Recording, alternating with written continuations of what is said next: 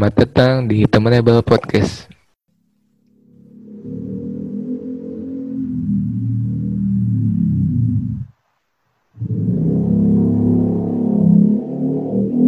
Kenceng banget kenceng ya.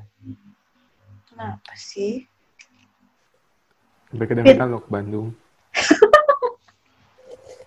Apa apa? Fit, gue mau nanya, kenapa cowok suka geber motor? Ngebut maksudnya? Enggak, jadi kayak lagi posisi diam terus kayak sedih, gitu. Hmm, Atau gue sih. di jalan yang yang melonjak-lonjak gitu loh, Fit, ngerti nggak? Oh, yang jumping gitu. Nggak, bukan yang jumping, jadi kayak misalnya lu kencang terus terus pelan, terus lu pas mau jalan lagi langsung kayak Oh, yang langsung loncat gitu. kayak tersendat gitu kayak kayak menyen, menyen Iya. gitu, gitu lah. Menurut gue ya. Pertama karena mau karena motornya memungkinkan. Eh, maksudnya adalah kan nggak semuanya motor, maksudnya nggak semua orang yang punya motor motornya kayak gitu kan. Jadi mungkin mereka dia dan be- sebagian besar laki-laki dan mungkin juga sebagian dari perempuan suka seperti mau suka motor yang kayak gitu, yang yang bersuara lah istilahnya gitu loh, ngerti Hmm. gak sih? Eh, lu lu punya sesuatu yang nggak dimiliki orang lain tapi tapi lu tapi dipengenin orang lain gitu kan jadi mungkin ada rasa bangga pamer apa gimana gitu. Ingin menunjukkan. Lu gitu nggak? Misalnya Tapi- lu punya tapi- motor kayak gitu. enggak karena ngapain? Karena karena gini nggak nggak dipamerin tuh udah udah udah ketahuan kalau motor gua tuh suaranya bagus. Wih, wih, wih. jadi mak- maksudnya gitu kan. Maksudnya ketika lu jalan juga maksudnya ketika lu nyampe di eh, lampu merah atau lu nanti ketika lu jalan dari lampu merah orang-orang bakal tahu suara motor lu. Ya nggak sih? Eh, tanpa harus lu geber-geber gitu ya. tanpa harus sengaja gue, gue keluarin suaranya gitu loh. Bahkan lu diem aja tuh suaranya udah kedengeran. Iya, iya. tanpa digas. Jadi ngapain harus gue tunjukin gitu? Karena gue pernah ngerasain di posisinya mereka kali ya. Karena ada juga yang pengen kayak eh balas dendam sama kasarnya dirinya di masa lalu gitu kan. Hmm. Atau mungkin ada yang nggak pernah ngerasain kayak nggak pernah ngerasain susahnya langsung punya motor bagus nah yang nggak pernah ngerasain itu bisa seenaknya bisa jadi memahami macam-macam nggak sih Hmm. Iya sih jadi kayak lu tidak bisa mengeneralisasi suatu perilaku terhadap satu jenis yang di yang di mana di sini laki-laki gitu menurut gua ya Sekarang gue itu kalau denger orang geber-geber motor ya, mood gue bisa langsung rusak banget, Pit. Gua itu tergantung suaranya. Karena kalau yang ngebas itu gue suka. Kebas.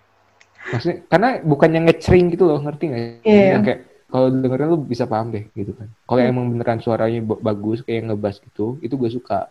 Karena emang menurut gue tidak mengganggu yang ngecering sih Iya, iya, iya. gitu. Gue tuh pernah ya, itu gue pernah jalan kan naik motor, terus tiba-tiba ada motor yang soalnya ke- apa ya berisik, Hmm. berisiknya bukan ngebas ya, benar-benar berisik gitu. Terus kayak telinga gue tuh sampai sakit beneran, kayak bener sakit kayak mau, kayak mau pecah. Sumpah demi gue baru sekali, sekali ini eh denger motor suaranya kayak gitu, bener-bener kayak gue sampai gue sampai berhenti biar dia baju duluan gitu, sumpah. Kayak, uh sumpah telinga gue kayak udah mau pecah, sumpah kayak bergetar gitu kayak anjir, sumpah sakit banget, sumpah. Sekarang banyak tuh kayak motor-motor custom gitu kan, terus kayak Iya. yang suaranya juga menurut gua bukan berisik sih, cuman lebih ke adaan aja biar ada suaranya. Biasanya kalau motor standaran pabrikan kan halus-halus aja kan suaranya. Ini kayak ngebas gitu, itu gue suka gitu loh. Enak juga didengar menurut gua sih. Nggak mengganggu lah ya. Iya, Kan apalagi di Malang nih, kita kan sering banget tuh makan di pinggir-pinggir jalan. Kita, gue ngomong kita, kita sering makan bareng aja. Maksudnya banyak tempat makan yang dia itu di pinggir jalan gitu kan. iya lu kayak lu nggak usah kayak jijik gitu dong anjir. Mesti yaudah gitu Terus- kan, di, apalagi di Malang kan sering ada tempat makan yang di pinggir jalan besar kan. Terus biasanya kalau makan kan kita sama orang ngobrol gitu. Kalau ada suara motor geber tuh gue bener-bener langsung, ya Allah kenapa sih kalau nggak digeber tuh kenapa sih mati motornya? Ya, ya udah sih. Emosi gue. Gue juga kemarin habis kayak gitu sih. Jadi kan kemarin gue minggu kemarin tuh main kan. Terus pulang gitu malam. banyak kan gue naik motor teman-teman gue naik mobil kan Hmm. terus gue kita tuh kayak eh, keluar dari parkiran gitu karena udah malam ya terus juga daerahnya tuh bukan daerah yang jalan gede gitu kayak dia paling cuma dua jalur gitu loh kan. Terus kayak ya biasa mau nyebrang istilahnya teman gue tuh mau ke- keluar dari parkiran mau nyebrang karena dia mau ke kanan kan. Kalau ke kiri kan Hmm. tinggal lurus aja kan. Dan kebetulan tempat keluar dari parkirannya tuh pas di perempatan gitu. Eh, dan itu ke- sekitar jam jam setengah sebelas lah. Jadi posisinya tuh mo- mobil teman gue tuh Brio di depan udah si moncongnya tuh udah di pinggir jalan banget. Gue baru di baru gue baru di belakangnya gitu. Kan udah kosong kan dari dari pokoknya dari arah yang dari arah sana tuh udah merah jadi kan otomatis teman gue maju dong karena kan di sana, Iya. di sana merah kan Hmm. nah tiba-tiba ada kayak yang eh gue nggak bilang geng motor ya apa namanya gitulah perkumpulan perkumpulan motor gitu yang ngebut ya knalpotnya berisik gitu loh kayak gitu kan terus kayak jadi lu tau gak sih si setengah mobil gue tuh si eh mobil gue lagi mobil teman gue tuh udah di Udah di jalan. udah di jalan udah di jalan terus tiba-tiba terus berhenti mendadak kan terus kayak "Tek, anjing. Suka gue yang di belakang tuh udah kaget duluan kan kayak gitu, gitu anjir Hmm. gila nih kayak. Dia kayak nerobos lampu merah gitu aja udah- terus kayak yang udah diklaksonin tuh Hmm. gue mikir kayak anjing ya, lu yang salah teman gue yang salah langsung terus kayak anjing anjing anjing. Untung teman gue tuh teman gue tuh tipe-tipe yang diem diem tapi kalau udah meledak tuh udah tak ngerti gak sih. Eh, jadi nggak agresif driving lah menurut gue sebenarnya sih sel- selama tidak merugikan nggak apa-apa nggak sih Apa geber-geber? apa pun itu Iya, iya apa pun Selama itu selama tidak merugikan nggak apa-apa. Nah, yang yang jadi masalah adalah ketika tidak melanggar peraturan tapi tetap merasa terganggu. Jadi misalkan gini, misalkan maksimal maksimal desibel itu 100. Misalkan motor pabrikan tuh biasanya di atas 50 sampai 60 misalkan. Tapi motor gue itu suaranya 95 desibel misalkan. Oh, Itu kan tidak melanggar peraturan kan? iya. Tapi mungkin aja itu udah udah mengganggu. Itu yang Iya. jadi masalah nggak sih? Tapi lo ngerasain gak sih kalau lagi nyetir malam-malam, nyetir mobil gitu misalnya, atau apa pun deh, terus ada mobil yang lampunya itu terang banget. Ya, itu juga. Padahal nggak pakai lampu jauh tapi terang banget. Itu kan Iya. membahaya, lumayan membahayakan gitu. Tapi nanti ketika ternyata dia tidak melebihi batasnya, Tahu gue sih lampu belum ada belum ada peraturan berdasarkan intensitas cahaya ya, tapi baru berdasarkan jenis. hmm, Ya, sama sih, tapi masalahnya gitu loh. Sebenarnya juga lebih ke etika nggak sih Jen? iya, Gue nggak tahu sih ini ada peraturannya apa enggak, cuman eh, harusnya tahu atau bukan harusnya ada peraturan kapan harus menggunakan lampu jauh, kapan harus menggunakan lampu dekat. Eh, nih, lampu tanda batas dimensi kendaraan bermotor berwarna putih atau kuning muda untuk kendaraan bermotor yang lebarnya lebih dari 2100 mm untuk bagian depan dan berwarna merah untuk bagian. Di sini Anjing. ngomongin warna mulu. Lu lu Google sumpah. Iya. Karena gue termasuk yang keganggu banget kalau ada orang lampunya terang banget. Iya, itu juga sih. Tapi kalau gue lebih ke, gue nggak bisa lihat apa-apa. Terang Ngerti aja. sih? Kalau ada yang Iya, terang aja gitu. Itu benar-benar kayak blind spot nggak sih? Iya, iya. Kalau lu disorot sama lampu jauh, terus benar-benar kena, kena ke mata lu, itu udah kayak lu nggak bisa lihat apa-apa. Iya, lu nggak iya. bisa, bahkan lu nggak bisa. Misalkan kalau motor ya, itu lu nggak nggak bisa lihat siapa yang ngendarain. Kayak Iya, gitu. iya, Terus kalau di mobil, kalau di mobil juga lu nggak bisa lihat siapa ya ada siapa di di dalam kemudi. Atau mungkin jenis mobilnya itu seperti apa, gede, kecil, Iya, iya, benar. lebar. Dan jadi jadi jadi rancu untuk menentukan jarak kita dengan mobil tersebut tuh sudah Iya, yang gue juga nggak suka tuh kalau ada yang ngeganti warna lampu rem jadi warna putih putih. Oh iya, bener banget. ya kan kan kita jadi nggak tahu kalau dia Hmm. ngerem gue Yep. malah jadi gue malah jadi nggak tahu kalau itu mobil itu sa- eh, jalannya sama kayak kita gue kira dia bakal berlawanan arah ada juga yang ganti lampu sen. Yang lebih bahaya tuh ada lampu sen tapi tidak digunakan. Ibu-ibu yang naik metik Sumpah ya mungkin kesalahan kesalahan paling fatal adalah memasukkan metik ke Indonesia sih. Eh, jangan gitu gue bisanya metik doang. Kadang kalau bener nggak dimatiin juga.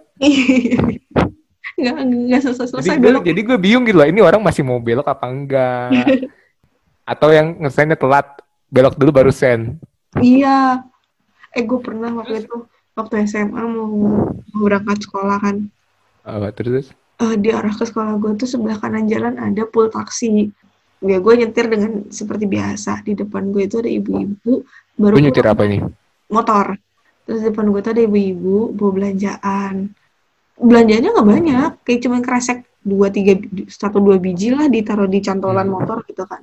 Hmm. Terus ada supir taksi yang eh, dia habis dari warung mau balik ke pool nyebrang gitu kan. Hmm. Terus si pas bapak ini lewat sama ibunya ditabrak. Serempet sih serempet. Tapi Oh, bapaknya tuh tapi terus kayak eh, sampai bapaknya tuh ke, ke belakang lagi gitu loh. Terus jatuh kan si bapak ini, si ibunya juga jatuh. Tapi jatuhnya pelan si ibunya.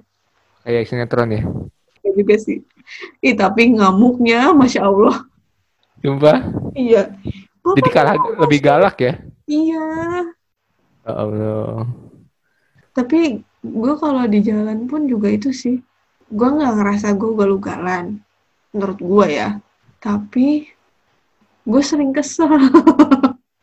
Apa? gue Karena lebih lebih ke sering kesel aja kayak ya kayak tadi kayak itu tadi misalnya yang lampurannya Hmm. beda warna. Terus sana nggak benar. terus lu kesel dengan orang-orang yang tidak menaati peraturan. Iya, karena gue tuh jadi deg-degan sendiri nyetirnya. Terus orang nyebrang sembarangan atau nyebrang Eh, nyebrang terus tuh lari gitu. kayak Naruto ya.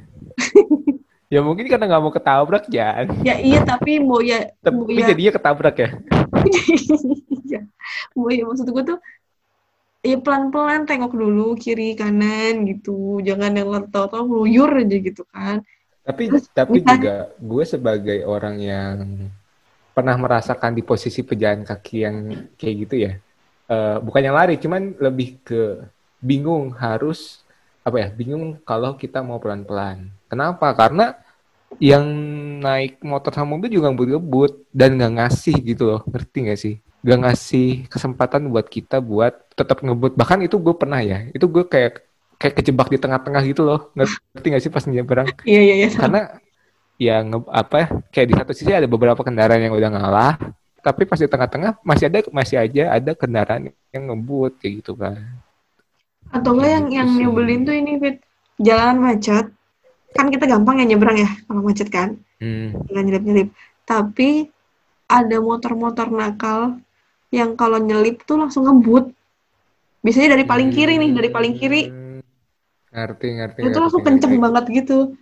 Iya. Jadinya kadang kita habis lagi mau nyebrang, kita baru keluar dari dari depannya mobil, iya terus kaget gitu ya langsung kayak kaget berasa kesambet ya gitu kan. gitu Iya, kayak gue tuh mikirnya kenapa sih orang-orang tuh buru-buru gitu.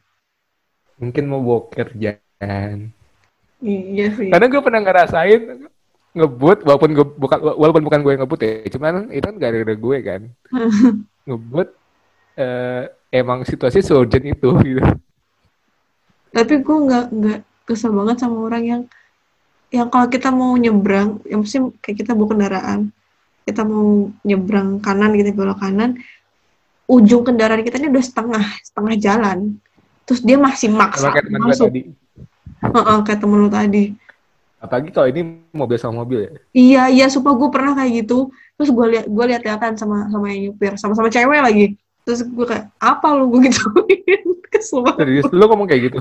Iya, tapi dari dalam mobil.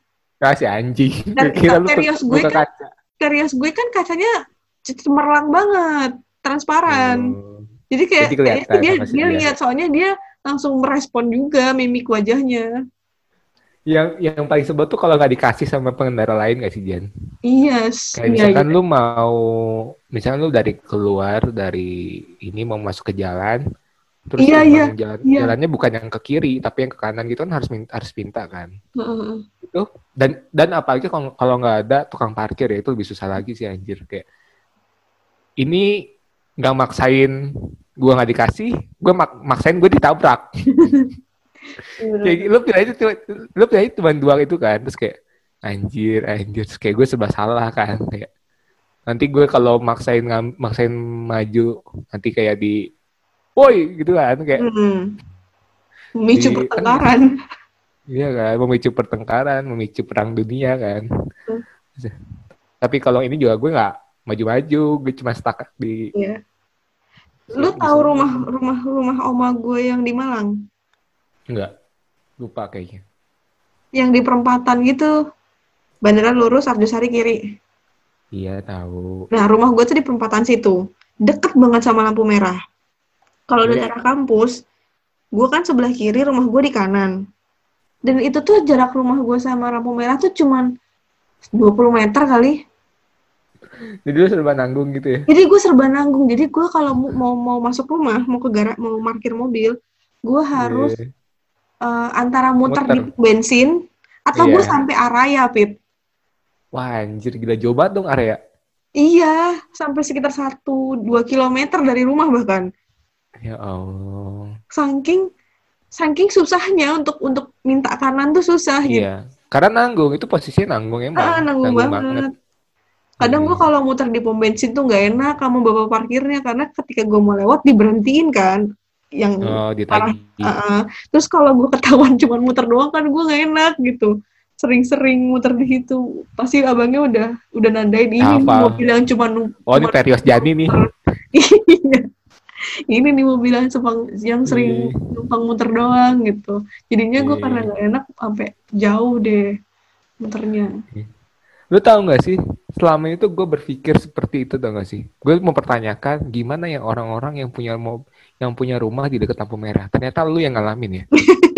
Iya. Sumpah. gue tuh, gue tuh setiap, eh, karena kan di Bandung eh, ada beberapa daerah yang emang mas, emang banyak rumahnya, tapi tetap, tapi di pinggir jalan dan banyak, banyak lampu merahnya jelas ya. Kayak di, di- kalau lu tahu Cipaganti, itu kan Hmm? eh, jalannya emang kiri kanan kebanyakan rumah kan Hmm. terus juga banyak lampu merahnya terus gue selalu mempertanyakan gitu kayak ini orang kalau rumahnya di sini gimana ya ya gitu kayak Iya. gue pasti kayak lu mau minta juga kagok Iya. masih muter gitu kan kayak gitu apalagi kalau yang lu tau gak sih kayak ini udah mau mau masuk tapi lu kayak masih nunggu gerbangnya dibukain Iya, iya, iya.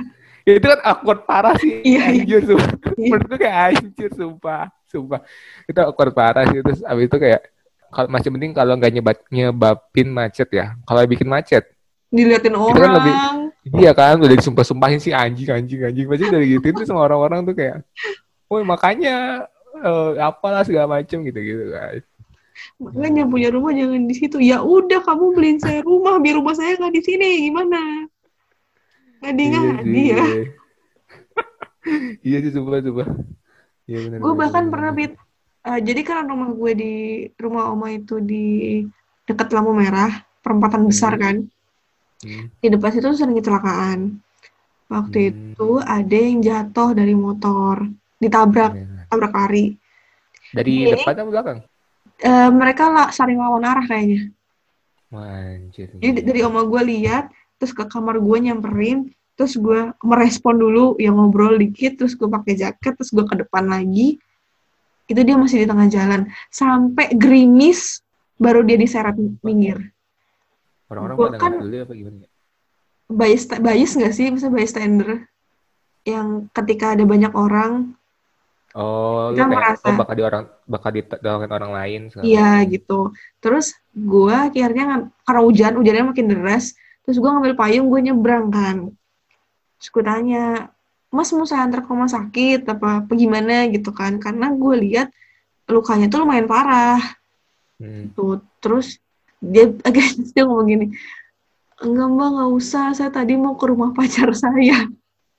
Jadi dia tuh lagi mau kencan ceritanya. Bucin, bucin Dia lagi mau gua. kencan, dia lagi mau kencan. Rumah pacarnya tuh deket sama rumah gua. Iya maksudnya Eh, dikit lagi nyampe lah dia tuh sebenarnya. iya. Eh ketabrak, terus ntar lagi pacar saya ke sini kok kata dia gitu. Oh ya udah gitu kan. Tapi gue masih Sempet ngabarin ya. Saya aku minta ketabrak nih. dijemput, minta dong. dijemput. Kan dia nggak bisa berkendaraan, gimana sih? Terus Ya, aku ketabrak nih, tolong jemput. pacarnya tuh datang ke area ke ke tempat kejadian itu tuh udah rapih, Fit. Siap kan kencan dandan banget. dulu sih anjing goblok. Kenapa? Berarti kan dandan dulu gak sih? Lah kan mereka memang mau pergi. Enggak, maksudnya misalnya gini uh, saya aku kecelakaan nih ke sini dong oke terus dia dandan dulu gitu loh. Enggak lah enggak. Jadi mereka tuh memang sudah sudah sudah janjian mau pergi gitu kan. Okay. jadi kan lu tahu kan kalau kalau lu janjian sama cewek ceweknya kan pasti siap-siap kan sebelum lu hmm. dateng. Hmm. pokoknya se, -se yang gue lihat tuh lututnya itu sampai celana jeansnya tuh kebuka. Di bagian lutut. Robek. Robek merah gitu loh pokoknya semuanya. Gue juga nggak berani lihat jelas banget. Terus ceweknya datang sama kakaknya naik motor juga. Mau dipaksa tumbuk tiga. Goblok. Kan terus gue ya gue nawarin lah kan. E, mas saya ada ada kendaraan. Kalau mau saya anterin aja. Mau dianterin ke rumah sakit apa ke mana? Gue bilang gitu kan. Terus uh, dia bilang mau ke rumah pacarnya aja. Oh ya udah. Terus karena mungkin bucin karena ya bucin mengakan segalanya. Jangan nggak bisa diapa-apain. Lu salah nolongin orang yang bucin tuh nggak kan gue berniat baik kan gue kasihan orang. Dia tuh nangis pit. Uh, eh, itu sakit cinta tahu bukan gitu. pengobatan. Eh, iya ya, ya saya kurang tahu lah ya kalau begitu gitu ya. Terus terus habis itu pas karena mungkin kelihatan gue nanya-nanya mulu gitu kan. Ada bapak-bapak dong nanya sama gue mbak yang nabrak ya? Wah ngadi ngadi nih orang. Enggak pas saya mau nolongin tuh rumah saya depan situ. Orang seberang rumah gue banget. Terus yaudah akhirnya yaudah gue bilang kan sama masnya uh, yaudah mas bentar ya saya ambil ambil mobilnya dulu gue bilang gitu terus gue uh, balik ke rumah ganti baju gue ngambil kunci ngeluarin mobil jadi karena rumah gue tuh ya? berseberangan ya? sama dia ketika gue mau ke arah dia tuh ih gue bikin macet parah banget mana hujan hmm. untung uh, ada orang yang sama-sama ngeliatin kecelakaan itu tuh bantu bantu nyebrangin mobil gue gitu biar gue. Muter baliknya nggak usah jauh gitu. Hmm. Maksudnya de dengan keadaan seurgen itu aja orang tuh susah orang jalan. Iya. Padahal tuh pinggir jalan tempat orang itu si yang kecelakaan, kecelakaan itu duduk tuh udah rame banget. Kelihatan lah kalau kalau ada sesuatu yang urgent gitu kan. Itu tuh susah banget ngasih jalannya sampai harus di stop-stopin orang. Kayak gitu deh. Hmm. Terus gue antar pulang, antar pulang. Krisis kesadaran di jalan raya nggak sih? Iya, mungkin. Kayak, tapi gue nggak tahu sih. Uh, tapi menurut gue ya, semakin sepi itu malah semakin peduli nggak sih orang-orang? Iya, karena nggak banyak. Karena gak banyak ada, karena sih. mereka mikir nggak ada lagi yang bisa Iya, tanggung jawab sosialnya makin tinggi gitu. Iya, karena karena waktu itu gue pernah ya. Waktu itu gue lagi gue lagi nganterin teman gue ke rumahnya. Jadi kayak dari Bandung ke Cianjuang. Mm-hmm. Kalau dari jadi Cianjuang adalah perbatasan antara Bandung dan Cimahi. Jadi kalau di Malang mm. itu kayak ya tau gak sih kayak perbatasan antar kota gitu kan? Iya iya iya.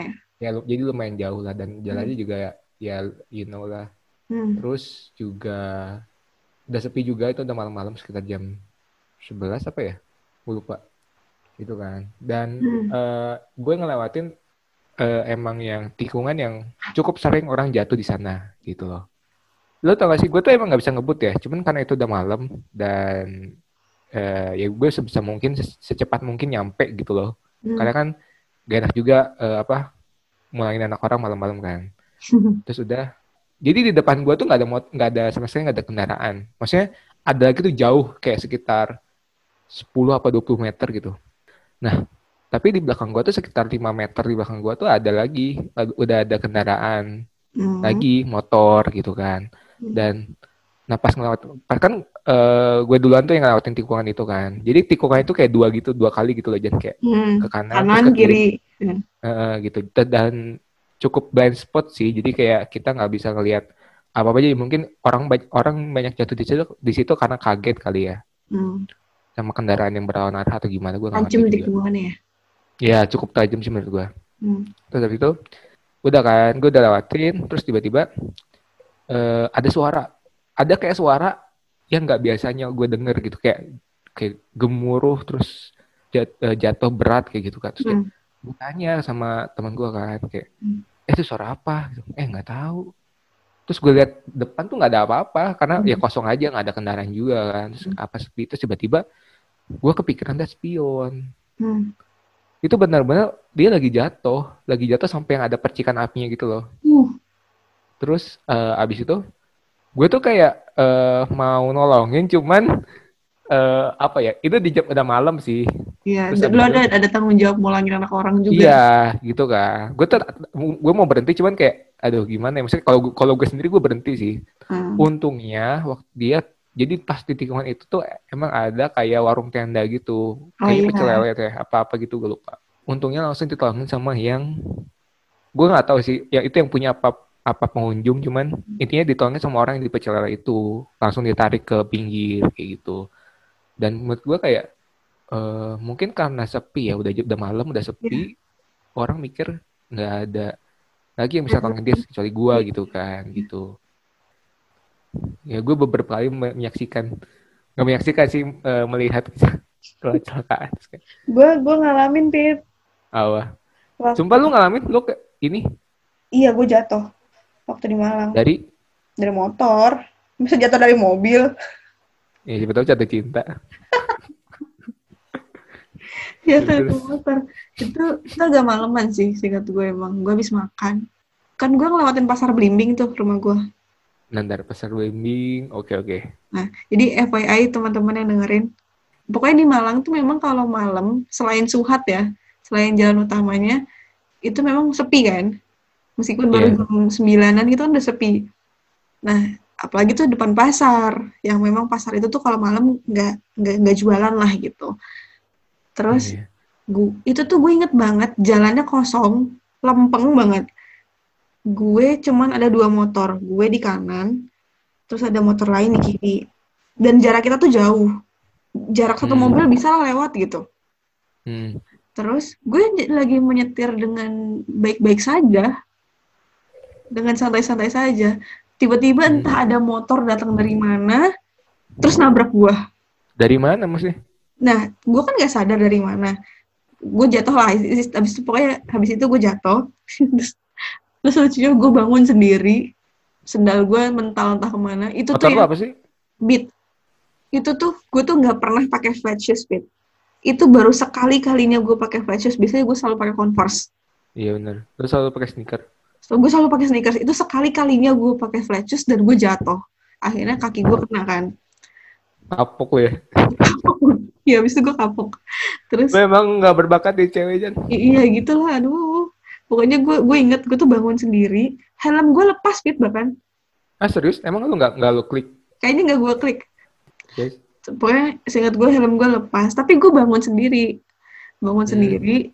Gue ngambil tas gue terus gue ngambil sepatu ngambil helm terus gue nepi nepi sendiri.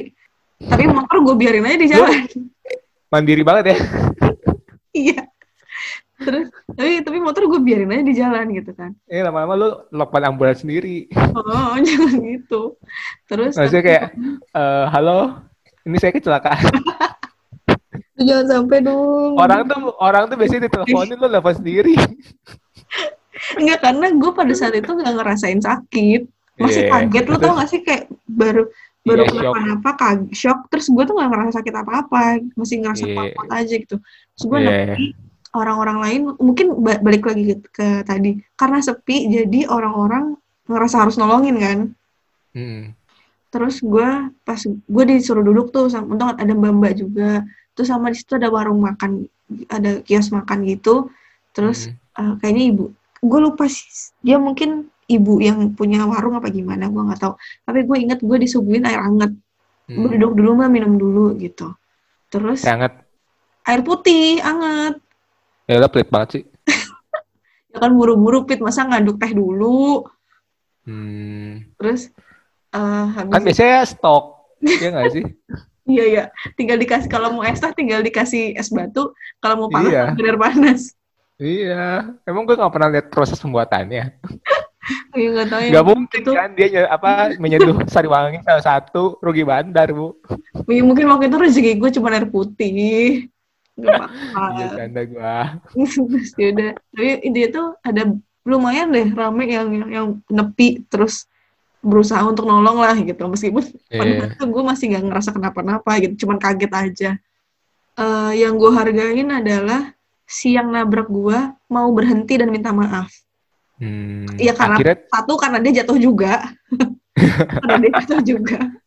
Mungkin juga dia mungkin disuruh orang disuruh orang sekitar untuk ya mungkin tanggung jawab dulu apa gimana gitu kan. iya Gue inget banget tekanan dari sosial. Iya, dia dia dia dia berlutut, ya anjir berlutut. Padahal gue juga duduknya di tepian gitu. Tapi dia sampai sampai jongkok gitu depan gue, bilang mbak saya minta maaf mbak saya yang salah kata dia gitu. Ganti rugi nggak? Yang begonya gue, pikiran gue saat itu adalah ya udah gue mau pulang, udah dikit lagi tuh gue nyampe pit. Hmm, Udah udah udah, Terus, ya udah mas nggak apa-apa mas nggak apa-apa gitu kan. Terus ya udah ya udah terus akhirnya dia pergi. Untungnya tuh eh, ada mbak-mbak sama bapak-bapak yang nawarin untuk nganterin gue balik. Kan gue ditanya tuh rumahnya di mana. Di perempatan situ udah deket kok pak, gitu-gitu kan. Gue bilang. Terus mereka tuh nganterin, apa, nawarin gue balik. Terus gue Hmm. bilang, enggak, enggak, kuat kok, kuat. Gue bilang gitu kan. iya. Terus gue berdiri. Berdiri kan gue. Masih ngerasa nggak apa-apa. Terus Terus gue lihat kaki gue, merah cuy, berdarah. Udah, uh seger banget tuh darah pokoknya. Ih, lemes gue langsung lemes, lemes, lemesnya. Terus gue langsung ambruk gitu kan ke- di motor. Hmm, Gue nunduk di situ, gue diem dulu bentar. Terus tanya, kuat nggak mbak, kuat nggak mbak, gitu. Terus gue masih diem aja. Terus mereka akhirnya maksa kan, ya udah kita anterin aja, kita anterin aja. Dia tuh, eh, cara nganterin ini gimana btw? jadi ada mbak-mbak yang ngeboncengin gue. Terus, Terus? bapak- ada bapak-bapak satu lagi bawain motor gue. Oh, motornya nggak dibawa kabur kan? Alhamdulillah kagak ya. Coba soalnya eh, ada beberapa oknum yang mem- yang memanfaatkan momen kecelakaan. Ih, gue udah nggak mikir lah, Pit. keuntungan Pokoknya yang pribadi. penting gue pulang. Terus gue tuh inget, yang gue inget sampai sekarang adalah, kan kaki gue luka. Hmm. Padahal gue pakai flat shoes kan. Jadi kalau gue Hmm. pakai flat shoes, luka itu akan ketekan sama flat shoesnya. Jadi sama mbak-mbak, mbak-mbaknya tuh kebetulan pakai sendal jepit, terus ditawarin sama mbak-mbaknya, Mbak tukeran aja, Mbak pakai sendal saya. Oh, gue ngerti nih gue. kan. Maksudnya biar biar luka gue tuh nggak kena gitu loh. Oh iya. Iya, iya. Terus nyampe rumah kagak tukeran sendal, sendal gue dibawa pergi tuh flash shoes gue bagus lagi. Terus gue Ya, baru sadar anjing. besoknya kayaknya baru sadar. Modus tuh anjir sumpah. Tapi gue pikirnya udahlah yang penting gue nyampe rumah gitu kan. Aman. Aja aman. Habis itu bengkak kan Pit. Si Eh. kaki gue bengkak. Terus gue mencari-cari lah alasan supaya besoknya gue gak kuliah. Ini Akhirnya semester berapa sih? semester 2 kayaknya. Oh, ba oh waktu awal maba berarti. Heeh. Terus Eh, besokannya gue ke rumah sakit dengan niatan yaudah ya biar gue dapat surat sakit terus gue nggak usah masuk kuliah gitu kan ternyata bayarnya sampai tiga ratus ribuan apa sama seobat diapain emang kaki lu? Hah? Emang diapain kaki lu? Dijahit? agak dia apain sebenarnya mah di, di total total pakai betadin doang Ya, elah itu mah bisa aja sama gue sih. itu udah udah pertama udah dibersihin di rumah cuman kan gue Oh. pikirnya tak selain gue nyari surat sakit gue nyari apa pembersihan yang proper gitu loh terus bayar tiga ratus ribu terus gue dalam setelah itu tuh gue pulang mikir tuh gitu gue minta duit ya main nabrak gue soalnya pit gue tuh nggak ngomong sama orang tua gue kalau gue jatuh itu pakai duit jajan gue kan duit berobatnya jadi ya ya udah rada rada ngepres lah bulan itu terus kenapa gue gak minta ganti rugi ya gitu tapi ya udahlah gitu Akhirnya ketahuan, maksudnya ditabraknya berarti dari belakang. jadi pas jadi pas gue duduk di tepian itu pas lagi minum air hangat ada yang ngasih tahu kalau jadi si mas-mas yang nabrak gue itu dia keluar dari gang Oke. keluar dari gang terus yang gue bilang tadi langsung ngegas gitu loh Pit langsung geber Hmm. langsung ngeng gitu langsung kenceng terus dianya lost control dia tuh berniat menyalip gua dan bapak-bapak yang di sebelah kiri tadi Hmm. menyalip dari tengah-tengah gitu loh niatnya dia tapi Hmm. bablas nyundul lah motor gua Niatnya Rossi ya, niatnya menjadi niatnya Rossi. Rossi Nggak taunya Rosso. taunya rese Taunya Rese anjing. goblok. gitu terus habis itu lu tau gak ketahuannya gara-gara apa Apa? Oh, akhirnya ketahuan. akhirnya ketahuan Terus tahunya gara-gara ketahuannya gara-gara eh, nyokap bokap gue ke Malang itu sudah berbulan-bulan setelah gue jatuh gue kan kalau dari rumah langsung ke bandara gue tuh gue tuh jarang bawa tas jadi gue bisa bawa dompet doang sama HP Iya. gue taruh di dashboard di bawah radio player itu loh. Iya. gue taruh di situ. Nah pas gue jemput mama gue pulang mau ke rumah mama gue duduk depan kan. Iseng dia buka-buka dompet gue ada kartu rumah sakit Lavalet. Ditanya ditanya. Eh, ini keta ini ketahuan paling goblok dan sumpah.